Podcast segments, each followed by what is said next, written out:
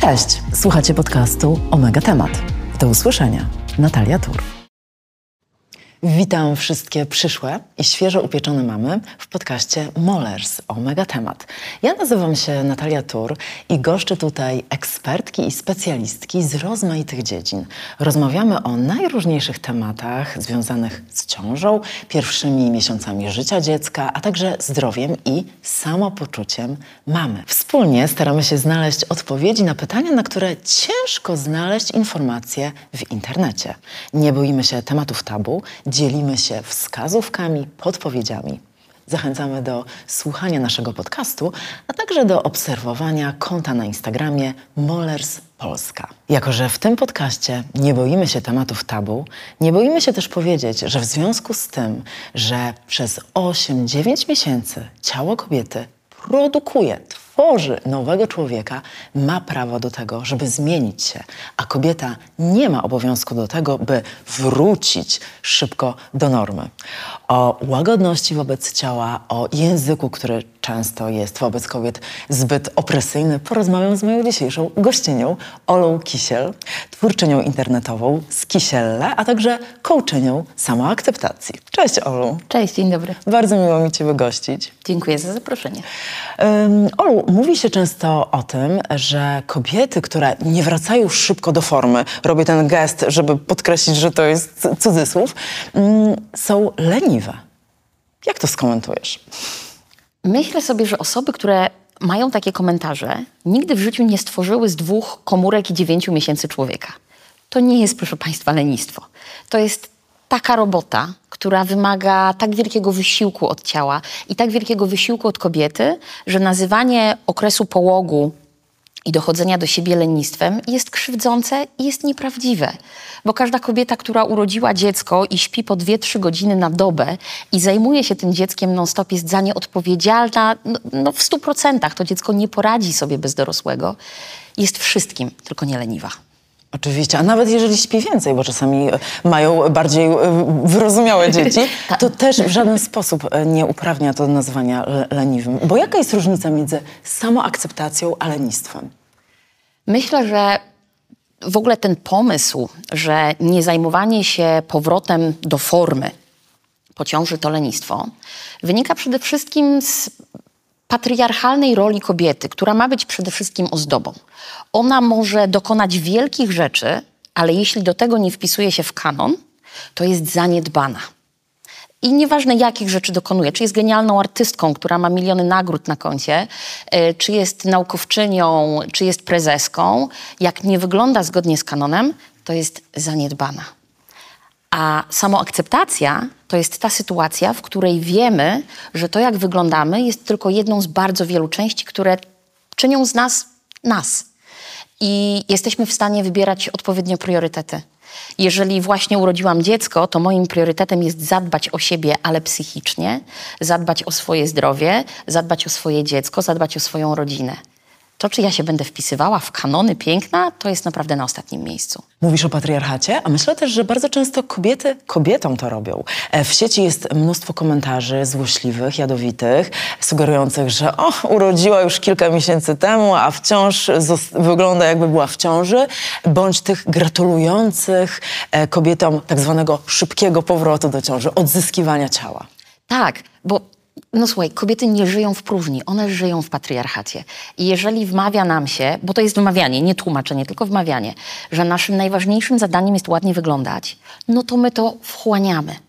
I później puszczamy tę wiadomość dalej. Mamy gigantyczne media, które zbijają kapitał właśnie na tym, na tych artykułach, że Ruzia wróciła do formy po sześciu tygodniach, a Janina po dziewięciu miesiącach dalej wygląda jakby była w ciąży. Zwróć też uwagę na to sformułowanie. Dalej wygląda jakby była w ciąży. Jakby to bycie w ciąży było jakimś takim złym, przejściowym stanem i kobieta musi jak najszybciej przestać wyglądać jakby była w ciąży. Tak. To jest dla mnie absurdalne. Tak, podobnie jak e, to sformułowanie odzyskiwanie ciała, tak jakbyśmy straciły to ciało. Dokładnie.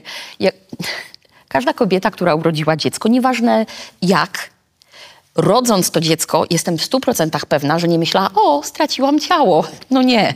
To jest jakby tak najbardziej cielesne doświadczenie, jakie może być. Ty nie tracisz tego ciała, ono się zmienia. I ta zmiana jest trudna za, do zaakceptowania, również ze względu na to, że my wymagamy od kobiet, żeby zawsze wyglądały tak samo. Więc fakt, że to ciało tak bardzo widocznie się zmienia i jest tak inne, e, no jest tematem do przepracowania, jest też tematem do robienia sensacyjnych nagłówków.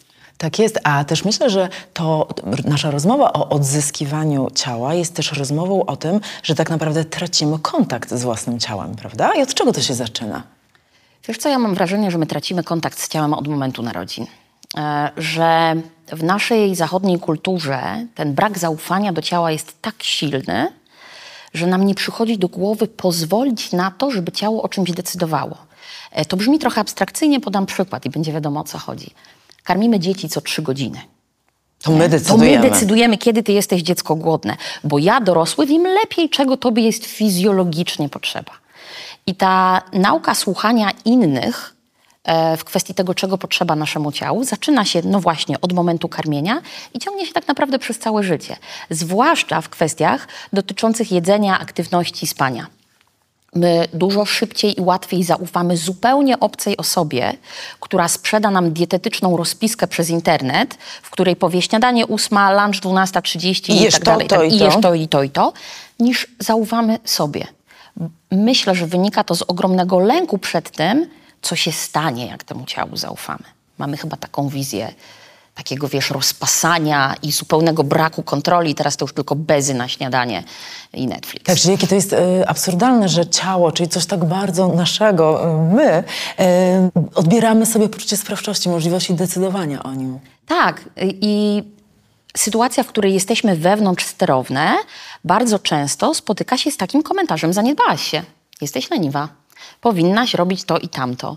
E, strasznie ciężko jest pozbyć się tego głosu. Bo tak jak mówiłam, on, on jest z nami od, od momentu narodzin i tak bardzo go uwewnętrzniamy, że odnalezienie wła- właściwego naszego własnego głosu potrafi zajmować lata. A są osoby, które nigdy do tego nie dojdą, bo uważają, że ktoś inny wie lepiej. Tak, to i ciekawie powiedziałaś o zewnątrz sterowności i wewnątrz sterowności, czyli my oczekujemy, że ktoś, na początku rodzice, potem kultura, internet, sieć, e, specjaliści będą nam mówić, co, kiedy jesteśmy głodni, co mamy dokładnie jeść, jak mamy wyglądać, jakie mamy e, e, mieć rozmiary i przestajemy szukać, słuchać głosu swojego. Tak, dokładnie tak. I kiedy tak się dzieje i zauważamy, że coś jest nie tak i próbujemy szukać pomocy, no to bardzo rzadko mamy w ogóle świadomość tego, co się z nami dzieje. Ja pracuję z kobietami, które y, mają najróżniejsze wyzwania związane z akceptacją ciała i one bardzo często nie czują rzeczy tak podstawowych jak głód i sytość. One nie wiedzą, kiedy są głodne.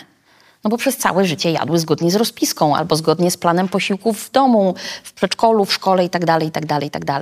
To zdobycie informacji na temat samego siebie jest strasznie trudne, a najsmutniejsze w tym wszystkim jest to, że my się rodzimy z tymi umiejętnościami. Małe dzieci doskonale wiedzą, kiedy są głodne, kiedy są zmęczone, kiedy potrzebują przytulenia, kiedy potrzebują zmiany pieluchy. I potem w procesie socjalizacji tracimy tą umiejętność. I co doradzasz e, kobietom, e, które e, straciły kontakt z własnym ciałem, na przykład nawet nie potrafią odczytać sygnałów o tym, czy są głodne? To jest y, pierwsza rzecz, jaką bym radziła, to się nie obwiniać, e, bo kobiety uwielbiają się obwiniać. Znaczy, ja nie wiem, O, to, nie, to niestety tak i bo bardzo pomaga w tym też kultura tak, rygorystyczna. Jakby, Mhm. Jeżeli ktoś ma czuć poczucie winy, to kobieta. E, więc nie obwiniajcie się o to, że, że wyszło tak, jak wyszło, bo to nie jest wasza wina, to jest wina całego tego otoczenia, ty, tych wszystkich mechanizmów, które powstały lata, lata temu i które wasze otoczenie nieświadomie, a może i świadomie, choć mam nadzieję, że nieświadomie, um, powielało. Więc pierwsza rzecz to jest wyrozumiałość. Druga rzecz to jest dać sobie czas. Bo jeżeli przez, ja mam 36 lat, jeśli przez 36 lat wychowywałaś się w paradygmacie A, czyli że jesz zgodnie z rozpiską, to nie nauczysz się swoich sygnałów głodu i sytości w dwa dni. I to będzie strasznie frustrujące. I to po trzecie wymaga rzeczy bardzo trudnej, czyli przejęcia odpowiedzialności. Bo kiedy ktoś inny za nas decyduje i coś nam nie pójdzie, no to zawsze mamy kogo obwiniać. A ta dieta była źle rozpisana, nie? Coś, coś tam było nie tak. A kiedy to ja sama podejmuję decyzję, no to ja sama ponoszę konsekwencje. I to bywa trudne. E, czwarta rzecz, nie robić tego samemu. Jest mnóstwo osób dookoła, zwłaszcza teraz, które profesjonalnie zajmują się takim wsparciem. Są dietetyczki zajmujące się jedzeniem intuicyjnym, są coachynie, jest coraz więcej psycholożek, które pracuje w, w, w tym nurcie ciało akceptacji, e, więc naprawdę nie musisz tego przechodzić sama. Niektóre kobiety nawet świadome tego, e, o czym mówisz, borykają się z taką utratą e, swojego obrazu ciała sprzed ciąży. E, jak mogłabyś im doradzić, jak mogłyby obudzić w sobie tą łagodność, wyrozumiałość? Ta strata przede wszystkim wymaga zaakceptowania, jakby uświadomienia sobie. Jestem Ola, urodziłam syna i tęsknię za moim ciałem sprzed ciąży i to jest okej. Okay. To jest ciało, w którym żyłaś aż do tego momentu i to jest normalne, że będziesz za nim tęsknić. Wypieranie tego nie jest dobrym pomysłem. Gorszym pomysłem byłoby tylko zaraz po wyjściu z porodówki przejście na dietę odchudzającą, zatrudnienie trenera i co drugi dzień sprawdzanie, czym jeszcze się w dżinsy e, z matury. Nie, nie tędy droga. E, skoro już o dżinsach powiedziałam, taka rzecz, która pomaga złapać kontakt z ciałem, to jest swoboda. Więc w tym okresie, kiedy to ciało tak bardzo się zmieniło, daj mu tą swobodę w postaci miękkich, wygodnych ubrań. Jeżeli możesz sobie na to pozwolić, zainwestuj w te ciuchy o ileś tam rozmiarów większe, tak jak zmieniło się to twoje ciało. Nie zaczynaj każdego dnia od próby wbicia się w te za małe ubrania i przypominania sobie, no tak, no no zapuściłam się, nie? Dalej się nie mieszczę. Już cztery tygodnie minęły, a ja się dalej nie mieszczę. I tak dalej, i tak dalej, i tak dalej. Więc to jest, y, to jest jedna z tych rzeczy. Y, druga rzecz to szukanie wsparcia w grupie. Y, ja po urodzeniu mojego syna znalazłam ogromną pomoc w grupach wsparcia matek ten fakt, że siadamy razem na godzinę czy dwie, opowiadamy swoje historie i okazuje się, że inne kobiety też tak mają, jest tak niesamowicie uwalniający. Bo kiedy czytasz te nagłówki i widzisz, że wszyscy dookoła wracają do formy po ciąży tam w trzy miesiące, nie? A ci, którzy tego nie robią, dostają karę? Dostają tak, dostają tak bardzo dużo negatywnych komentarzy. To myślisz sobie, jeny, tylko ja nie jestem w stanie wrócić do formy po ciąży. A potem siadasz z innymi kobietami i okazuje się, nie, no nie tylko ja. Na tej sali jest 10 osób i one wszystkie tak mają. Um, więc to jest druga rzecz. Trzecia rzecz, o ile się nie pomyliłam w tej wyliczance, to jest zwrócenie uwagi na to, na co zwracasz uwagę. Czyli może trochę ograniczenie tego rozpoczynania dnia od kawy i serwisów plotkarskich. Może trochę przeformułowanie Twojego feedu na Instagramie. Obserwowanie ludzi, którzy są albo do ciebie bardzo podobni, albo zupełnie inni, ale niekoniecznie są celebrytką, trenerką fitness, która ma zupełnie inne zasoby, inne możliwości jakby otwarcie się na to, że ludzie mają różnie. To niesamowicie pomaga, bo ten obraz kobiet, zwłaszcza młodych matek w mediach jest, jest bardzo homogeniczny. Nie? One są wszystkie dosyć młode, zgrabne, y, mają czas na wszystko, są zawsze umalowane, jak nie to mają naturalnie piękną cerę i tak dalej, i tak dalej. A my doskonale wiemy, że matki wyglądają różnie i, i to jest okej. Okay. I to jest okej. Okay. Kiedyś pamiętam, przeczytałam taką myśl, że porównywanie się do innych jest najgorszą formą osądu nad sobą samym. Bo zawsze, gdy będziemy się porównywać, wypadniemy w pewnym momencie gorzej. Więc nie róbmy sobie tego. Tak, zdecydowanie tak. Porównywanie ma jakąś tam funkcję socjologiczną. Dawno, dawno temu miało spra sprawdzać, czy nie wypadamy nie, poza normy grupy. Ale już nie żyjemy w tych czasach, kiedy bycie poza normą grupy sprawi, że nas wystawią za mury miasta i zjedzą nas wilki. Więc może trochę rzadziej. To, to, na co zwracasz też uwagę, e, ja chętnie e, zachęcę Cię do skomentowania e, tego wątku, to to, żeby zacząć też inaczej patrzeć na ciało, jako na, z taką życzliwością i serdecznością, że dzięki temu ciału możemy ruszać się, wąchać, patrzeć, smakować.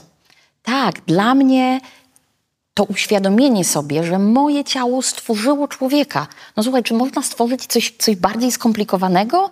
Dwie komórki, Dwie komórki, 9 miesięcy i jest zupełnie nowy człowiek. To była świadomość, która dała mi takie poczucie mocy i sprawczości, i że ja potem tego człowieka jeszcze wydałam na ten świat, i to było tak cholernie trudne. Jakby to ciało to jest magia.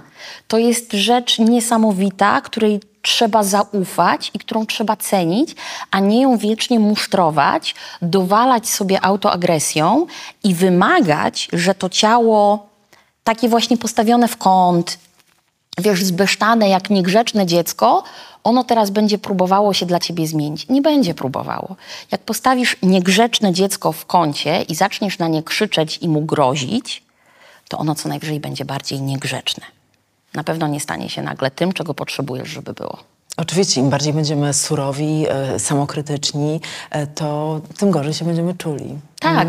I mm, nam się bardzo często to musztrowanie myli z, z jakąś taką kontrolą, że, mm, że ciało trzeba kontrolować i że jedyny sposób, żeby je kontrolować, to bycie tym twardym, surowym policjantem. Że jeśli będę wobec siebie łagodna i będę w taki łagodny, życzliwy sposób reagować na potrzeby mojego ciała, no to ono się zerwie ze smyczy i w ogóle będą się tam działy jakieś straszne rzeczy. Najprawdopodobniej na początku, jeśli przez całe życie żyłaś w restrykcjach jakichś, to tak, będzie ten etap zerwania się ze smyczy, ale on nie potrwa wiecznie. On naprawdę nie potrwa wiecznie i nie trzeba się obawiać tego, że będziemy tylko i wyłącznie y, nosić dresy i leżeć na kanapie i jeść słodycze. Ten etap minie i przyjdą kolejne etapy, kiedy odkryjemy, że inne rzeczy też są fajne. Właśnie, bo tutaj mówisz też o takim e, czarno-białym obrazie świata, że tu nie chodzi o to, żeby mm, między takim obsesyjnym dbaniem o to, żeby wyglądać idealnie, wrócić szybciutko do formy, e, a takim zupełnym e, utratą kontroli nad ciałem jest jeszcze coś, coś jeszcze. Tak naprawdę nowa e, rzeczywistość. Tak, i to jest. To, to w zasadzie nie powinno być nowe, bo to jest po prostu życie zgodnie ze swoimi potrzebami i ze swoimi możliwościami. W świecie jedzenia intuicyjnego krąży taki, takie powiedzonko, że jeśli e, twoje idealne ciało wymaga od ciebie robienia rzeczy, które cię ograniczają, które są restrykcjami, to to nie jest twoje idealne ciało. Nie? Jeśli musisz się głodzić, żeby mieć rozmiar 30 ileś, e, no to, to, to nie jest, em, po angielsku mówi się sustainable, zabrakło mi polskiego słówka. To nie jest wykonalne, nie? To nie jest do, do podtrzymania na, na dłuższą metę. E, I myślę, że mm, do tego dochodzi takie założenie, że z ciałem trzeba się ciągle zmagać. Nie? Że, to, że to musi być ciągle walka i musimy sobie stawiać wyzwania i osiągać cele i tylko wtedy ma to sens. A jakie fajne jest życie, kiedy to ciało jest po prostu częścią ciebie e, i idziecie przez życie w partnerstwie, a nie w wiecznej walce no, z samą sobą, bo ciało to ty. Tak i jak, gdy patrzymy na ciało jako na naszego sprzymierzeńca, dzięki któremu możemy chodzić, patrzeć, słuchać, smakować, a nie jako na e, przedmiot do tego, żeby ładnie wyglądać, tak? I podobać się. Tak, dokładnie tak. Tutaj mówimy wielokrotnie o języku, e, o tym, jak semantyka, czyli sposób, w jaki opowiadamy o ciele, e, ma wpływ na to, e, co o nim myślimy, odzyskiwanie ciała, kontrola nad ciałem. Em, A jak język i to, w jaki sposób opowiadamy o sobie, ma wpływ również na nasze dzieci? ma gigantyczny wpływ, bo wiemy od dosyć dawna z psychologii poznawczej dziecięcej, że to, jak my mówimy do naszych dzieci, stanie się ich wewnętrznym głosem. I to, jak mówimy przy naszych dzieciach, stanie się ich światopoglądem. Więc jeśli jesteś matką małej dziewczynki, która każdy dzień zaczyna od stania na wadze, a potem stania przed lustrem i mówienia, Jezu, jak ja się roztyłam, Boże, ten brzuch, a te pelikany, a coś tam, znowu się nie mieszczę w dżinsy. Od dzisiaj to już tylko sałata i woda. Zaniedbałam się. Mhm. Tak, bo muszę jakoś wyglądać do lata, wesela, wakacji, czegokolwiek. No to ta dziewczynka będzie to modelować. I my mamy badania, które mi łamią serce, które mówią o trzylatkach, które zaczynają kontrolować to, co jedzą. Trzylatki. Dzieciaki, które nie są w stanie zbudować złożonego zdania, ale już przyswoiły tą informację, że szczupłe jest dobre, jedzenie trzeba kontrolować, a głód to jest wróg, z którym trzeba walczyć. Więc e, podstawowa rzecz to zwróć uwagę na to, jak mówisz i kto słucha. Bo jeśli jesteś dorosłą kobietą, dorosłą osobą, to możesz jakoś wyprostować te swoje błędy. Ale jeśli wychowujesz się z takim przeświadczeniem, to będzie to dużo trudniejsze. Więc e, Ja bardzo zachęcam do tego i na szczęście rodzice to już robią. To świetnie widać e, na Instagramie. Jest mnóstwo twórczyń, które robią ciało pozytywne piosenki, które można śpiewać z dzieciakami. Jest bardzo dużo książek na ten temat, em, żeby pokazywać dziecku, że ciało jest neutralne. Nie jesteś lepsza, jak jesteś szczuplejsza, nie jesteś gorsza, jak jesteś grubsza. I o ciało trzeba dbać i słuchać jego potrzeb i je zaspokajać a nie się z nim wiecznie, e, wiesz, przepychać i je musztrować. Właśnie jak słuchać potrzeb e, ciała, e, zwłaszcza też po tym trudnym okresie, e, jakim jest ciąża, karmienie piersią? E, to na pewno będzie wymagało wsparcia, bo jeżeli całe twoje życie w tej chwili kręci się wokół zapewnienia bezpieczeństwa, no i tak naprawdę przetrwania temu małemu człowiekowi i robisz to tylko i wyłącznie ty, to to jest normalne, że twoje potrzeby zejdą na drugi plan. Nie? No bo ja sobie jakoś poradzę, a przecież moje dziecko nie. Um, więc po pierwsze, proś o wsparcie. Mów głośno i wyraźnie, czego ci potrzeba. A jeśli nie wiesz, czego ci potrzeba, to też o tym mów. Um, bo bardzo często mamy taką sytuację, że jest tam z boku e, osoba, z którą wychowujemy dziecko i ona strasznie chciałaby pomóc, tylko nie wie jak. Bo jeśli tego nie zakomunikujesz, no to ona może szukać po omacku, może zrobić coś źle, może się potem wycofać, bo wiadomo, podjęłam, podjąłem, podjęłam jedną próbę, nie wyszło, to ja już teraz nic nie będę robić. Um, więc komunikuj, akceptuj pomoc, um, staraj się, i ja wiem, teraz wszystkie mamy prychną śmiechem, więc proszę przełknąć kawę, staraj się znaleźć czas dla siebie. Um, on będzie wymagał, no właśnie, poproszenia kogoś, żeby zajął się dzieckiem, ale jeśli masz przyjaciółki, które przychodzą odwiedzić tego malucha, to niechaj odwiedzają tego malucha, zabierając go na półgodzinny spacer, a ty masz pół godziny dla siebie, podczas których nie będziesz sprzątać i gotować, tylko, tylko posiedzisz sobie, wiesz, w wygodnym ubraniu, pijąc ulubioną kawę i myśląc o tym, że w zasadzie to całkiem jest nieźle. Mm. Fajne jest to ciało. Dobrze, że o tym mówisz. Przepraszam, że ci przerwę, ale bardzo często e, kobiety, które e, mają tak e, rygorystyczne wymagania wobec własnego ciała, wyglądu, czyli wobec siebie, są takimi najsurowszymi wewnętrznymi krytykami, mają też bardzo duże oczekiwania wobec tego, jak będzie wyglądał ich dom. myślą, że powinny być absolutnie autonomiczne, samowystarczalne i mają właśnie problem z proszeniem o pomoc, takie siłaczki. Tak. W ogóle, wiesz, ja się teraz złapałam na tym, że to sformułowanie prosić o pomoc w kontekście do drugiego rodzica tak, to, to też absurd. To też jest Wiesz, to jest jak mąż, który pomaga mi w domu. No tak, kurczę, mieszkamy w nim oboje y, i oboje mamy to dziecko, więc on w niczym nie pomaga. On po prostu wychowuje swoje dziecko i może je wychowywać trochę częściej.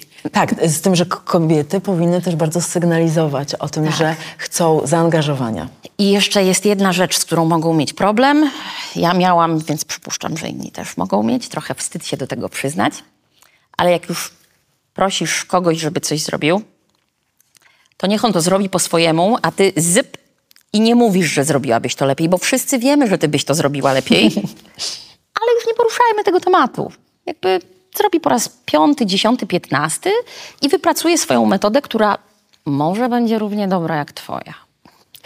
Powiedziałaś e, w pewnym momencie o córkach, o tych dziewczynkach trzyletnich, e, które e, już w tak wczesnym wieku mają taki wypaczony obraz własnego ciała.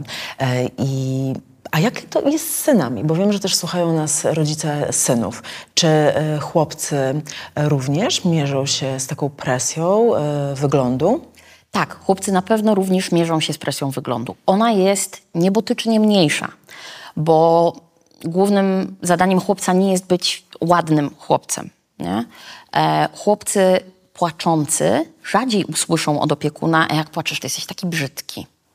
Albo jak się złoszczą, to nie usłyszą złość piękności szkodzi, nie? Raczej to będą jakieś inne komunikaty. Chociaż jednocześnie oni w ogóle mają e, zakaz smucenia się oczywiście, i płaczu. To i okazywania emocji, temat. oczywiście, to generalnie wszyscy mamy z tym problem, nie?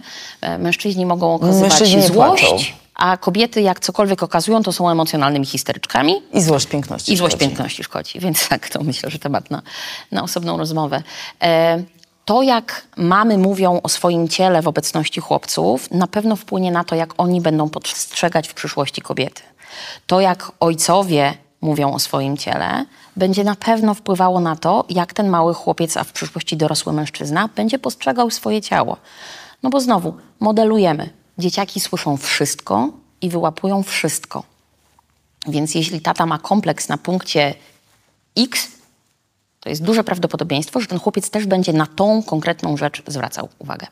Tak, bo z jednej strony, jeżeli e, e, w rodzinie socjalizacja opiera się na tym, że kobiety mają pięknie wyglądać, to potem nie dziwne, że mężczyźni. e, Szukają partnerek, które pięknie wyglądają i rozliczają z tego, że wyglądają niepięknie na porodówce. łagodność, wyrozumiałość, życzliwość, kontakt z własnym ciałem, słuchanie własnego ciała y, i przeinterpretowanie do tego, do czego nam to ciało jest e, potrzebne. Co byś jeszcze dodała do naszej rozmowy?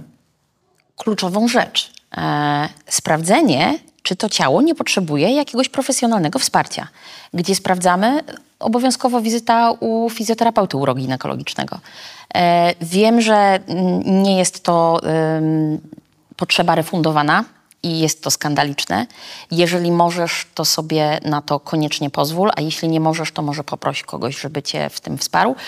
Przepraszam, że przerwę, ale bardzo zachęcam Was, drodzy widzowie, drogie Wicki, do tego, żebyście obejrzały odcinek z Aleksandrą Piotrowską, uro, fizjoterapeutką ginekologiczną, e, z którą e, rozmawiałam e, w jednym z poprzednich odcinków naszego podcastu.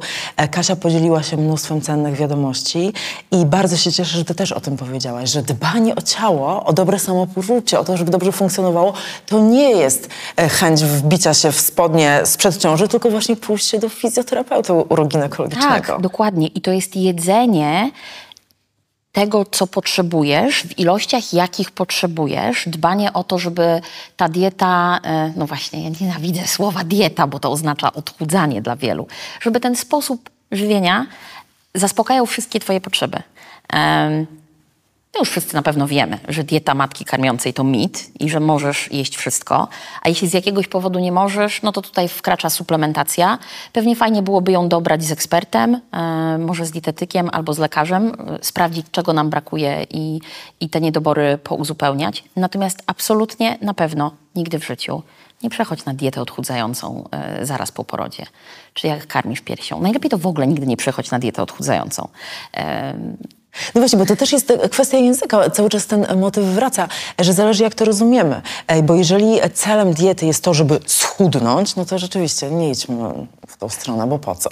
Ale jeżeli chcemy dzięki diecie, czyli sposobowi, w jakiś odżywiamy się po prostu czuć lepiej, to czemu nie? Tak, oczywiście. I, i jest fantastyczna e, gałąź dietetyki jedzenie intuicyjne, które myślę, że dla kobiet w okresie e, karmienia piersią, a potem też rozszerzania diety u malucha jest genialna, bo jedzenie intuicyjne to jest ta umiejętność, z którą my się rodzimy.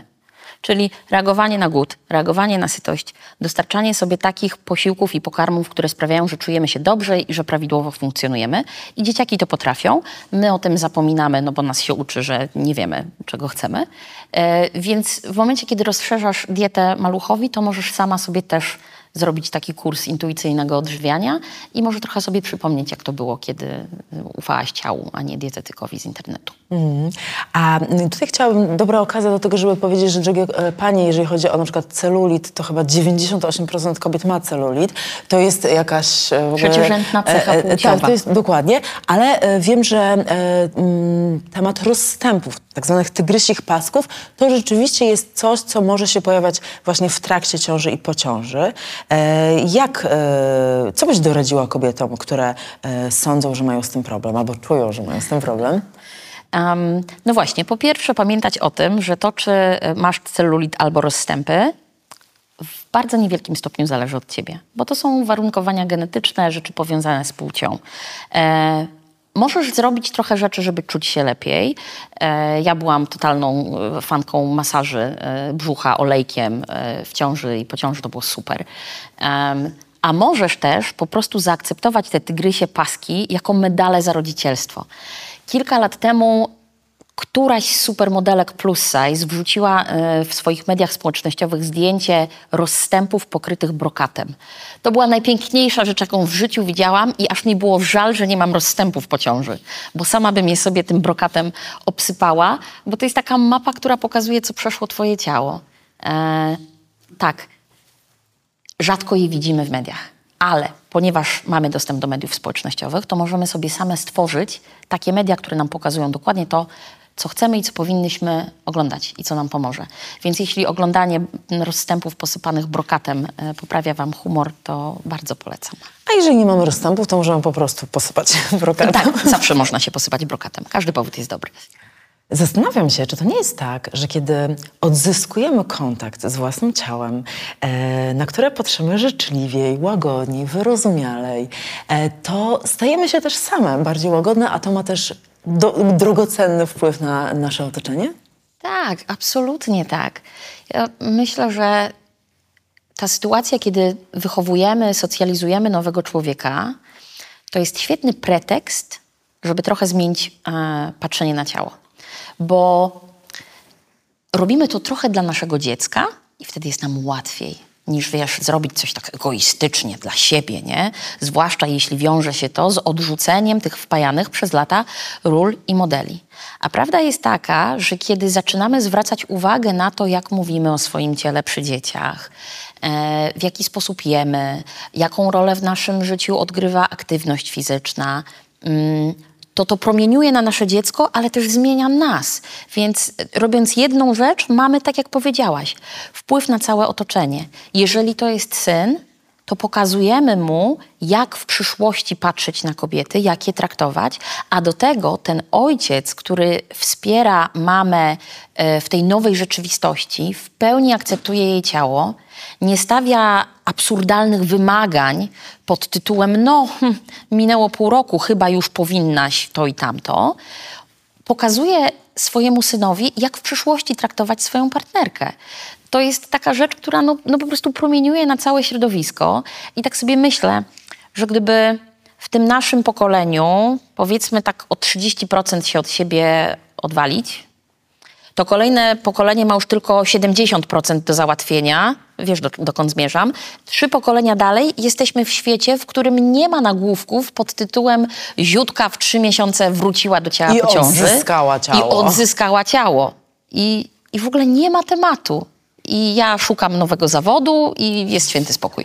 E, kobiety są bardziej wyluzowane, mężczyźni też, bo bardzo często jest tak, że mężczyźni e, wcale nie mają tak wysokich oczekiwań wobec kobiet. E, wolą kobiety po prostu wyluzowane, które dobrze się czują same ze sobą. Tak, a jednocześnie żyją w środowisku, w którym kobieta jest ozdobą, nie? I ona musi być reprezentacyjna. Więc, drogie panie, zachęcamy do wyluzowania, odpuszczenia sobie, łagodności. Z pożytkiem dla siebie, z pożytkiem dla swojego dziecka i wszystkich dookoła. Napiszcie o swoich doświadczeniach. może macie jakieś pytania do Oli. Olu, Oczywiście. będziesz miała ochotę odpowiedzieć na Zawsze. komentarze. Jestem pewna, że dodałaś mocy, wiary w siebie. Weźcie sobie słowa Oli do serca, bo warto. Dzięki. A teraz idziemy na ciastka. I to już wszystko w tym odcinku podcastu Molers Omega Temat. Dziękuję, że z nami byłyście i zapraszamy do wysłuchania kolejnych odcinków na Spotify oraz na platformach podcastowych Apple i Google. Do usłyszenia.